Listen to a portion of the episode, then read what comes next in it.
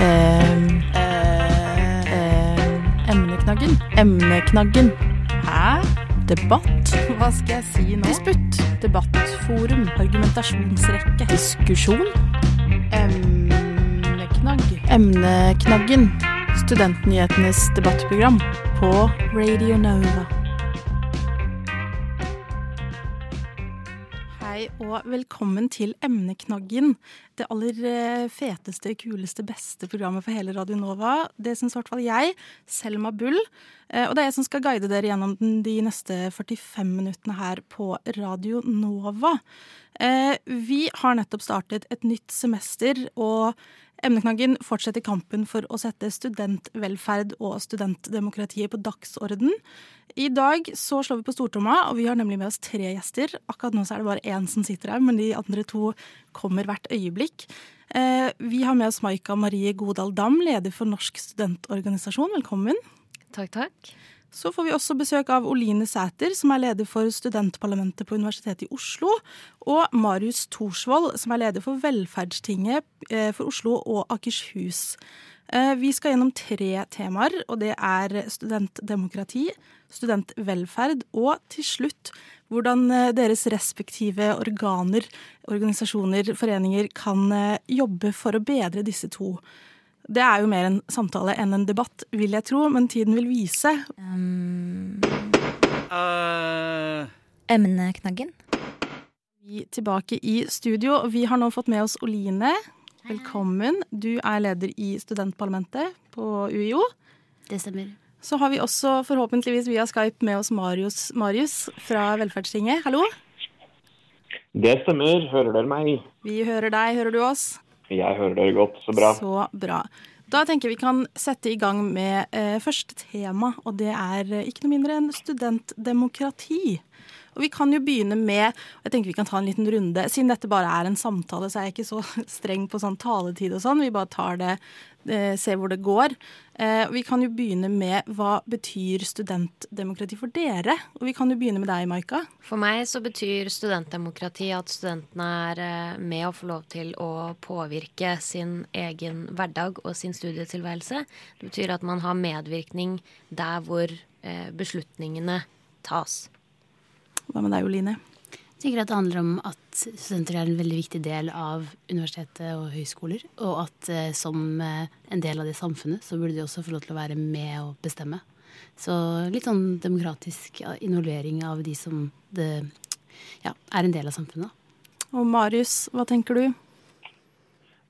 Nå var det jo kjipt å havne sist så ble sagt så mye klokt, men eh, jeg må nok støtte, støtte opp under og dette og sette premissene for egen hverdag. Gode svar alle sammen, syns jeg. Eh, og vil dere si at eh, studentdemokratiet i Oslo og Akershus er sterkt nok? Hvem eh, har lyst til å svare på det? Jeg kan svare på mer sånn nasjonalt om, om det i Norge er eh, godt nok. Det er jo fryktelig eh, dumt å svare ja på det, for det betyr at vi ikke har noen vei å gå, og det mener jeg vi fortsatt har. Eh, vi er gode til å involvere studentene en viss, til en viss grad, men jeg mener jo at studentene fortsatt står på utsiden eh, av døra, eh, der hvor beslutningene tas i mange tilfeller, og at det er veldig lett å si at man har involvert studentene og hatt en sånn check. Da har vi gjort det. Uten at innspillene våre faktisk tas med videre. Og der tror jeg vi har en, en utfordring fortsatt. Å sikre at den, ja, den studentstemmen, når den eh, får lov til å tale, også blir lyttet til og tatt med videre inn i beslutningsprosesser.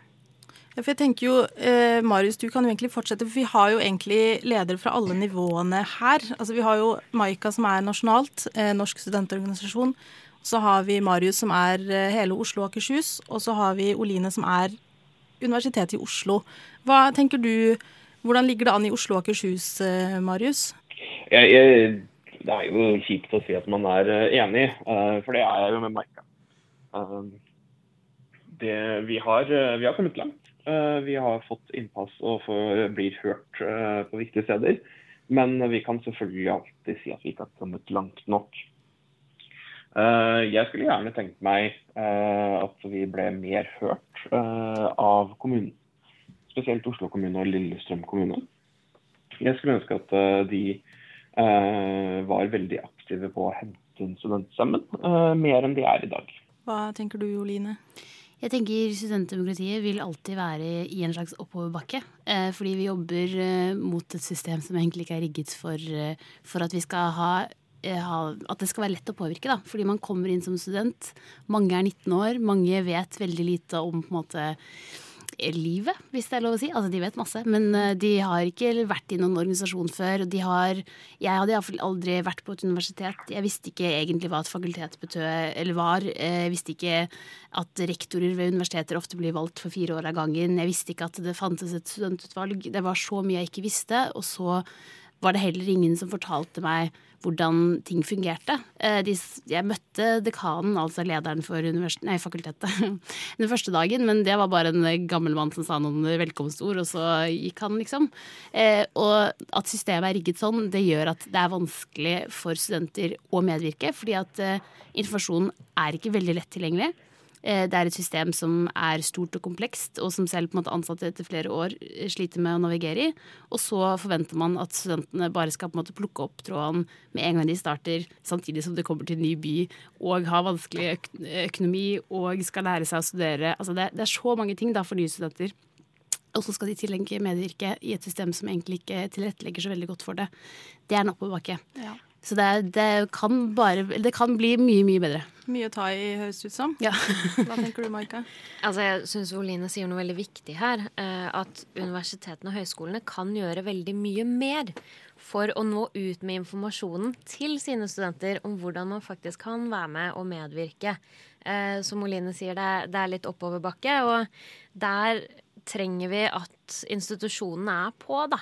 Altså, det krever ikke så mye å si i en forelesning eh, eller i en seminar at eh, dette, er de, dette er sånn dere påvirker, dette er sånn dere kan være med å bestemme over den studiehverdagen dere har. Og, ja, så det er en av de sånn helt konkrete punktene da, hvor vi har litt vei å gå. Det kan ikke være studentenes ansvar alene eh, når de blir studenter, å finne ut av alt, eh, alt det her og rote, rote seg fram til hvordan de kan være med å påvirke sin egen hverdag. Det tror jeg er ambisiøst. For nå har dere jo gått eh, Unnskyld, Marius, hadde du lyst til å legge til noe? Ja, jeg kan gjerne legge til noe, jeg også. Jeg tenker at uh, Det har blitt sagt veldig mye fornuftig. Og jeg tenker også at det er veldig viktig å få med oss at vi ikke kan være fornøyde uh, ved at man bare har bestemt at det er nok. At man har hatt et valg, og studentene har stemt på noen eller noe. Um, ta Studentsamskipnaden SIO f.eks. Der er det jo slik at studentene velger styremedlemmene Eh, og det er et demokratisk valg. Eh, og så kan man da velge å kalle det for et eh, for si, en studentstyrt selskap. Det kan man.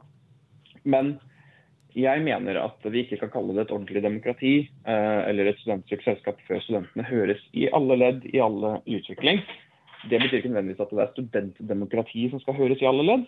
Men uh, det handler om å se uh, demokrati som en helhet og en del av hverdagen. For nå har dere jo alle sammen gått litt inn på det jeg, jeg hadde tenkt å spørre om uh, på neste spørsmål. Og det er hva er de største utfordringene man møter på innenfor studentdemokratiet? Hva tenker du, Oline? Um, jeg tenker det er den derre kunnskapen. Men det gjelder at studenter ikke vet at de har rettigheter som sier at de skal være med som deltakere av dette liksom, samfunnet eller organisasjonen som de studerer ved. Men jeg tror kunnskapen også mangles hos de ansatte. Eh, og når ikke vi egentlig kjenner eh, Altså vi har ikke samme kunnskapsgrunnlag, og da har vi ikke gode premisser for å faktisk snakke sammen. Og man kaller det et studentdemokrati og et universitetsdemokrati, og det viktigste liksom, verktøyet til demokrati har, er jo samtalene. Men når vi ikke snakker samme språk, og vi ikke måte, kjenner hverandres betegnelse for ting, hvordan kan vi da ha en god samtale om hvordan vi sammen skal bli bedre? Og da tenker jeg at man i noen situasjoner i hvert fall kommer mer i konflikt enn at man får til en god, god dialog. Så det, det, er jeg veldig opptatt av. Å få til den gode dialogen på gode premisser. Maika? Ja, Vi ser jo at uh, studentdemokratier har man jo på alle universiteter og høyskoler. Uh, det er lovpålagt å ha. Uh, men forutsetningene de har for å gjøre det arbeidet, altså for å være med og medvirke og være studentenes stemme på sitt sted, de er ganske forskjellige. Jeg mener at det er en stor utfordring i dag. At noen har gode rammer, gode vilkår for det å drive. Andre har veldig begrensa med ressurser. det kan både handle om ressurser i form av tid eller, eller andre ting. Mennesker. Menneskelige ressurser. Eh, det er et, eh, et problem som, eh, som, vi også jobber en del med overfor bl.a. Universitets- og høyskolerådet. Hva med dere på velferdstinget, Marius? Hva er de største utfordringene dere møter på? De største utfordringene vi møter på i vår eh, arbeidshverdag med studentdemokratiet, er jo rett og slett eh, som det er sagt om kunnskap. Eh, men det gjelder jo også både hos den jevne student og hos de som er engasjerte. Fordi når man er student, så har man så utrolig, utrolig mye som påvirker hverdagen din. Det er alt fra samskipnaden, kommunen, lærested, eh, kollektivtilbud, eh, matvarene du handler. Det er så mye som påvirker eh, livet ditt. Og det er utrolig, utrolig mye som må påvirkes og, for at man skal kunne få et helhetlig påvirkningsbilde det å på mange måter se hvordan man kan jobbe med det hele, er utrolig vanskelig. Det er utfordrende. Uh, og det vi syns er vanskelig, er uh, hvor er det vi skal prioritere vår tid, da. Jeg syns jo alt dette var veldig gode poenger. Jeg har et siste spørsmål før vi går videre, og det er Altså, Studentdemokrati fra utsiden kan jo virke som mye møter, mye vedtekter, mye å sette seg inn i kan man forstå at liksom den gjengse student ikke har tid eller ork til å engasjere seg i studentdemokratiet? Ja, altså jeg forstår det veldig godt. Eh, jeg er nå Eller vi er alle her studenter som jobber på heltid. Og jeg blir iallfall møtt med liksom, spørsmålet Men Oline, hva gjør du egentlig? Liksom. Så, og det kan komme fra måte venner som er meg ganske nær, og som jeg tenker å ja, det har ikke jeg gjort med, jobbet med dette i mange år. Uh, men uh, jeg forstår det veldig godt. Uh, og så tenker jeg at det er ikke nødvendig at alle skal forstå det i detalj. Men jeg tenker det er et poeng at de skal ha en forståelse av at det finnes et system og på en måte rammeverket for dette systemet, slik at de vet hvor de skal gå når de trenger hjelp. Og så kan de studentene som er veldig engasjert i dette, sette seg inn i detaljen og passe på at det syres og møtene foregår. Men alle studenter tenker jeg har gevinst av å vite rammeverket og vite hvor er det skal gå, og hva er det jeg kan spørre etter når jeg har utfordringer som jeg trenger hjelp med. Hva tenker du, Marius? Jeg syns egentlig at uh, Oline satte dette fra stikkeren på hodet. Uh, helt enig. Uh, alle er tjent med at man uh, kjenner til det. og så har jeg forståelse for at det ikke er alle som ønsker å engasjere seg. Vi har en sterk studentfrivillighet, eh, i hvert fall hatt en sterk studentfrivillighet, og eh, spesielt utrolig mangfold i frivilligheten, som engasjerer mange. Men den engasjerer jo ikke alle uh, i dag, uh, og det er noe vi må si, si, er greit. Det er ikke slik at alle må være medlem av partier for å delta i det norske demokratiet, men alle må vite om hvordan er det det norske demokratiet legger til rette for borgermedvirkning. Helt til slutt, Maika, før vi går videre. Hva mm. tenker du? Jeg tenker at det er mange måter å engasjere seg på. Eh, det å stemme ved studentvalget er jo å engasjere seg. Eh, det å sitte i parlamentet er å engasjere seg. Det å si ifra om at noe ikke er eh, optimalt, det er også å engasjere seg. Så ja, jeg mener jo at alle eh, bør på en eller annen måte kunne engasjere seg, og det bør legges til rette for at alle kan si sin mening, si fra når noe er feil, stemme ved valg. Og så er det en liten andel eh, som trenger å også kunne vedtektene, men eh, det at vi snakker om studentpolitikk som noe lite og internt eh, fordi det oppleves sånn. Eh, også noe som handler om, om, vedtekter og lange møter. Det er veldig dumt, da. fordi studentdemokratiet handler om å si fra om eh, hvordan det er å være student, og hvordan man vil ha det, og stille krav overfor de som bestemmer. Det er studentdemokrati. Det tenker jeg var en super avslutning eh, på denne delen. Vi skal snakke mer om studentvelferd, emneknaggen, hver onsdag på Radio Nova. Velkommen tilbake. Vi skal snakke litt om eh, studentvelferd. Og jeg tenker at jeg skal starte med et litt sånn eh, bredt spørsmål. Og jeg, denne går til deg først, Marius. Hva er det viktigste temaet for deg innen studentvelferd? Oi. Ja, du, du har helt rett. Det var et bredt og åpent spørsmål. Um, det viktigste for meg er at man har som student den tiden, den helsen eh, og det overskuddet, overskuddet, som skal til for at man selv kan velge hvordan man skal utvikle seg selv. Man er på et studie, og der eh, får man en utdanning. Men jeg mener at for at å kunne bli, som man sier, dannet, så må man ha eh, tilrettelegging utenfor lesesalen også. Ja. Hva tenker du, Oline?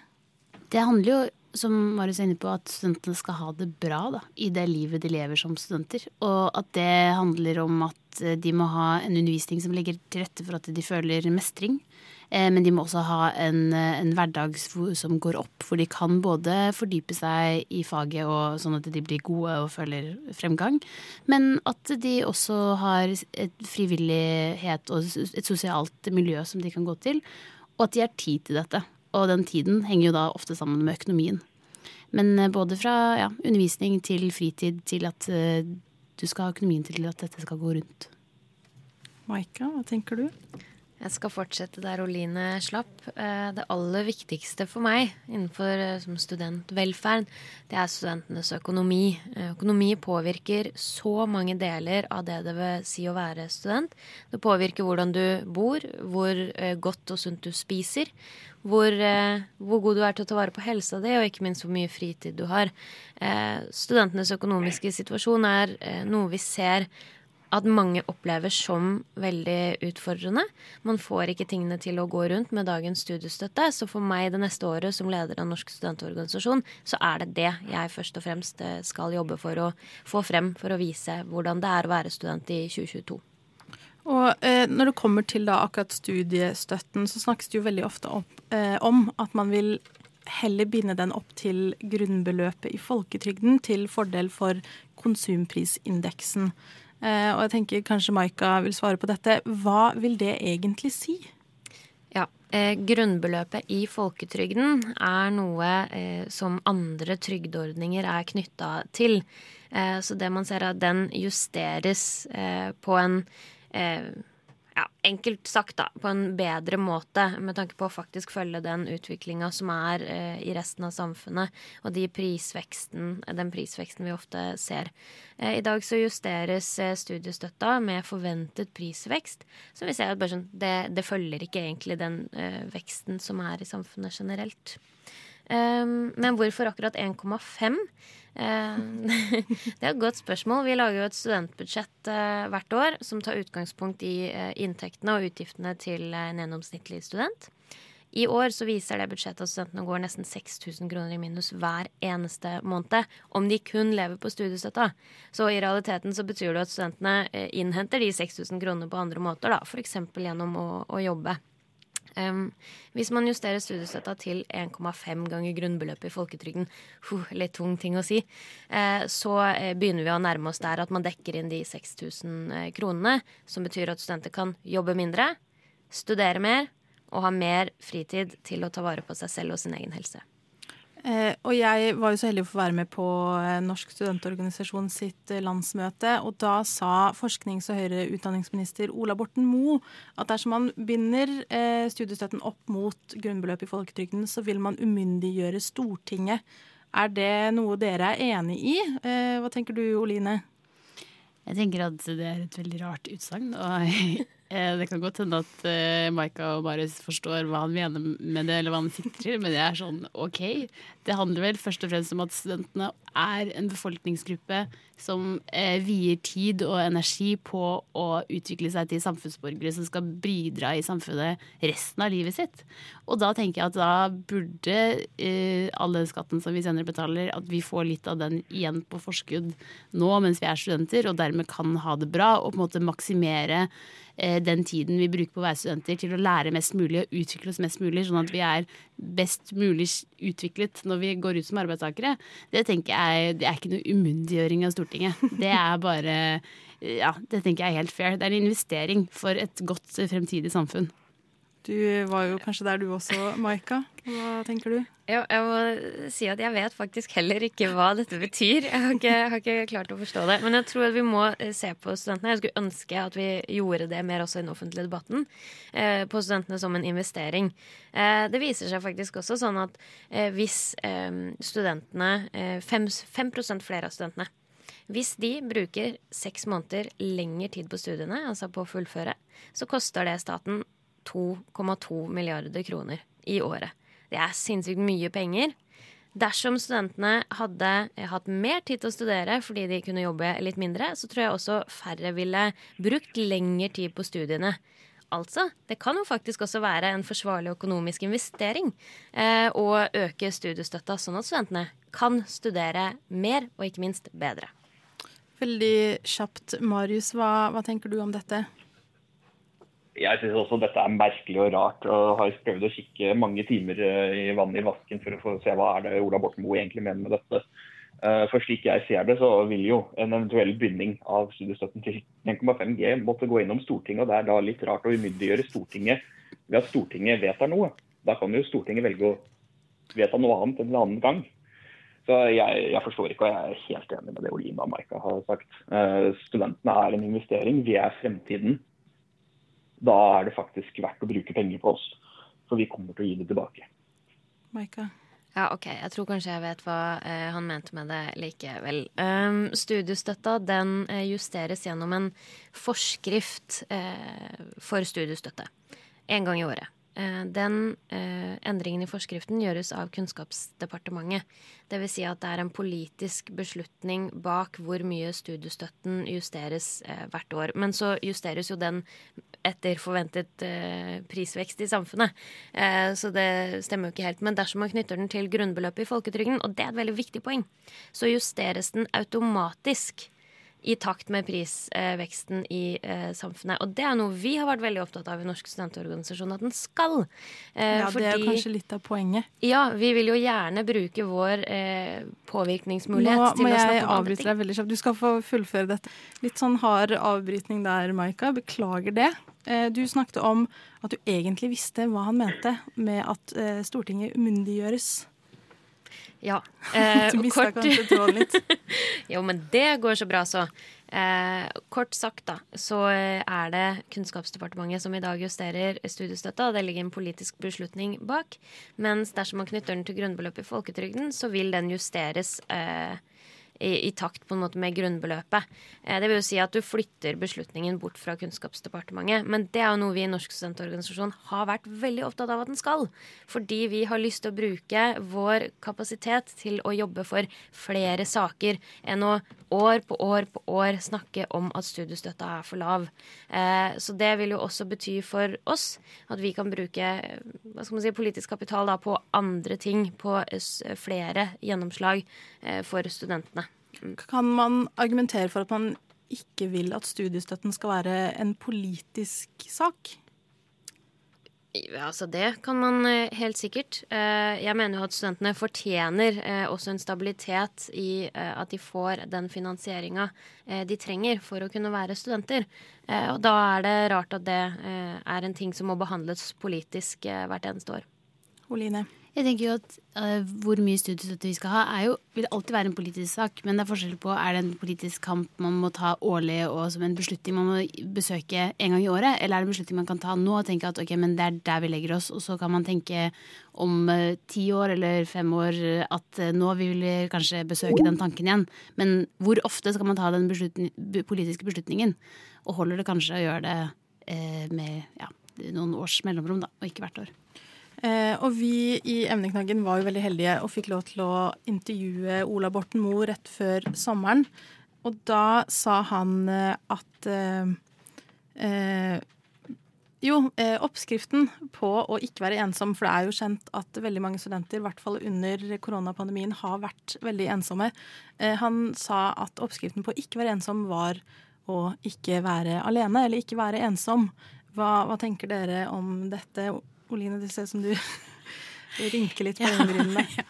Jeg tenker det er en uh, veldig forenkling av liksom, hva ensomhet er, da. Uh, hvis man tenker at ensomhet er å føle seg alene og uten et sosialt nettverk, så er det ikke bare det å på en måte gå ut på gata og så føle at man har sosial støtte og venner og eh, tilknytning til et miljø og noen som støtter deg opp. Det er noe Relasjoner med andre, som er på en måte den beste medisinen mot ensomhet, er eh, avhengig av at man møter de samme menneskene over tid, og at man har et fellesskap og en mening som man samles rundt. Som da kan være f.eks. det at vi er fire studenter som jobber sammen en gang i uka i en kollokvie og leser sammen. Eller det kan være at man møter kolleger på jobb og man jobber sammen og man på en måte oppnår ting. Man opplever mestring sammen. Det, det bygger relasjoner. Men det å bare ikke være alene, det er ikke, det er ikke bare bare. Og også når studenter har så mye mange ting de skal gjøre, da, og mange arenaer de skal strekke over. De skal være på jobb, de skal være på studie, de skal besøke familie. Altså, det er mye. Så er det ikke så lett å heller alltid være til stede i de aktivitetene du gjør, sånn at du kan bygge disse relasjonene. Så jeg tenker at nei, det er en overforenkling til de grader, og han burde lese litt om sosiale relasjoner og hvordan de bygges. Marius, fikk du med deg hva Ola Borten Moes oppskrift på å unngå ensomhet eh, var? Den uh, har nok dessverre gått meg hus forbi. Det... Uh, jeg har hørt om det, snakket noe om det, men. Det er å ikke være alene, eller ikke være ensom. Hva, hva, tenker du om det?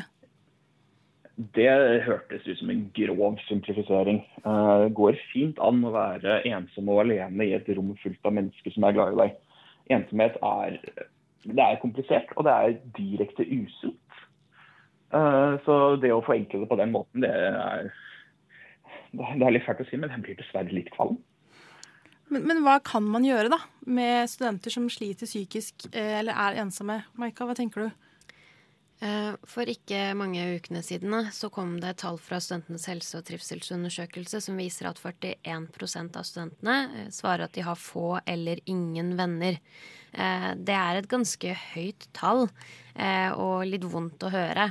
Vi har vært opptatt av å vise sammenhengen mellom Eh, studentenes økonomiske situasjon igjen, eh, og studentenes eh, psykiske helse. Vi vet at studentene kom faktisk en til undersøkelse i samme uke, så det blir litt mye tall her. Men um, studenter jobber med enten studiet eller uh, deltidsjobben rundt 50 timer hver eneste uke. Altså det er bare 24 timer i døgn. Og når 50 av de timene går til jobb og til studier, så er det liten tid igjen til å ta et pust i bakken, møte venner, møte, få seg nye venner. Eh, og ta vare på også sin, eh, sin, egen psykiske helse. Jeg tror at en av de viktigste løsningene vi eh, kan gjennomføre her og nå, det er å sikre at studentenes økonomi også tillater dem å ha tida til å ta vare på sin egen helse. Oline? Jeg tenker det Maika sier om måte, ja, disse tallene er kjempeviktig å ha det i hodet når man diskuterer eh, ensomhet. Men også det jeg, ikke, jeg tror ikke man skal undervurdere den byrden det er å ha en trang økonomi. Eh, fordi det å kontinuerlig gå rundt og bekymre seg over at jeg har kanskje ikke råd til den neste aktiviteten som jeg må gjøre, eller jeg har kanskje ikke råd til å betale husleia, eller jeg kan ikke være med på de sosiale aktivitetene som vennene mine skal på fordi jeg har ikke råd.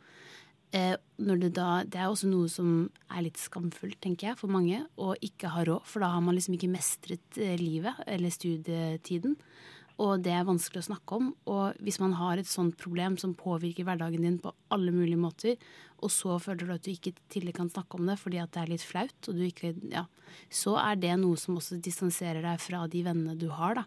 Og det skaper ensomhet, selv om du kanskje du har folk du henger med, men, men føler du deg nær dem, kan du faktisk snakke med dem om det som betyr noe for deg, som da er kanskje din største bekymring, som er økonomi. Det virker som at alt egentlig henger litt sammen her. Og den ene tingen vi ikke har helt snakket om enda, det er studentboliger.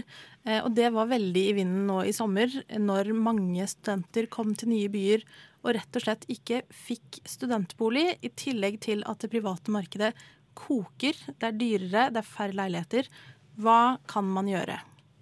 Maika? Eh, for det første så kan man bygge flere studentboliger. Altså det vi vet, er at eh, studentboliger bidrar til å avlaste det private leiemarkedet, som vil være en fordel både for studenter og andre som leier eh, privat. Det vil aldri være sånn at alle studenter kan bo i studentbolig. Det det er på en måte heller ikke vårt mål. Vårt mål er at 20% av studentene skal kunne bo i studentbolig. Dessverre ser vi at uh, det er altfor få boliger. Nasjonalt mangler vi vel rundt 15 000 studentboliger for å nå det målet om at én av fem skal kunne bo der. Um, så kan man eh, regulere det private leiemarkedet eh, hardere enn det man eh, gjør i dag. Vi har jo kommet med forslag om å ha EU-kontroll på utleieboliger. Hvor du eh, rett og slett må få godkjent boligen din før du får lov til å leie den ut. Vi ser altfor mange tilfeller av studenter som oppdager kritikkverdige forhold, sier ifra, får sagt opp kontrakten sin, og så ser man at den samme leiligheten med de samme kritikkverdige forholdene ligger ute på Finn to uker etterpå. Sånn skal det ikke være. Sånn skal ikke studentene måtte akseptere å bo. Marius, hva kan dere i Velferdstinget gjøre for å på en måte få koll på denne situasjonen? Vår jobb er jo uh, å påvirke politikere og SIO, slik at det bygges flere studentboliger. Uh, så kan jo selvfølgelig alltid vi foreslå nye spenstige løsninger. Uh, prøve å finne gode tomter, gode bygg som kanskje kan anvendes til nytt bruk. Det er jo det som er vår politiske oppgave i dette. Oline? Jeg tenker eh, Som eh, studentleder på Universitetet i Oslo, da, så er jeg liksom Jeg jobber ikke så mye opp mot politikere. Eh, det er det Marin som jobber opp mot politikerne i kommunen og Studentsamskipnaden, og Maika som jobber nasjonalt, som gjør. Men jeg har et ansvar om å på en måte engasjere mine lokale studenter til å være med på dette. Og eh, at rektor og de andre lederne på mitt nivå også er veldig bevisste på det. Og det vil jeg si at det er en eh, økende bevissthet rundt det, og forståelse om at okay, eh, rektor kjenner at strømregningen stiger. Da kan han også forstå at det blir enda verre for studentene. Så det, vi, jeg tror vi er på glid med å skape en økende bevissthet, men det, ja, det er også en oppoverbakke. Men Er det sånn at dette er på en måte et eget problem nå i år? Eller er det bare tilfeldig at det er liksom veldig mye media, eh, har vært veldig mye media i denne sommeren? Det er jo eh, ikke Det er absolutt ikke noe nytt eh, at studenter eh, opplever det utfordrende på eh, boligmarkedet. Eh, studentboligmangelen har vært stabilt høy i flere år, så det er heller ikke noe nytt. Men jeg tror at det har vært spesielt i år pga. de økte prisene både sant, på strøm og på mat og på andre ting, eh, som gjør at eh, det har fått, eh, fått lys, altså blitt satt nytt søkelys på da. Eh, studentenes økonomiske situasjon og også boligsituasjon. Marius, hva tenker du? Jeg tror jo at uh, her har uh, studentdemokratiene virkelig gjort det de skulle. Man har over flere år pekt på og ropt høyt, til tider til lite gehør, om at eh, studentenes situasjon er utfordrende. Og nå ser faktisk eh, media det. Tallene har jo alltid vært der. Vi hadde lange køer før pandemien, vi hadde lange køer under pandemien. Men i år så har det vel kanskje virkelig toppa seg. Så uh, problematikken har vært der, og det har vært der i mange år.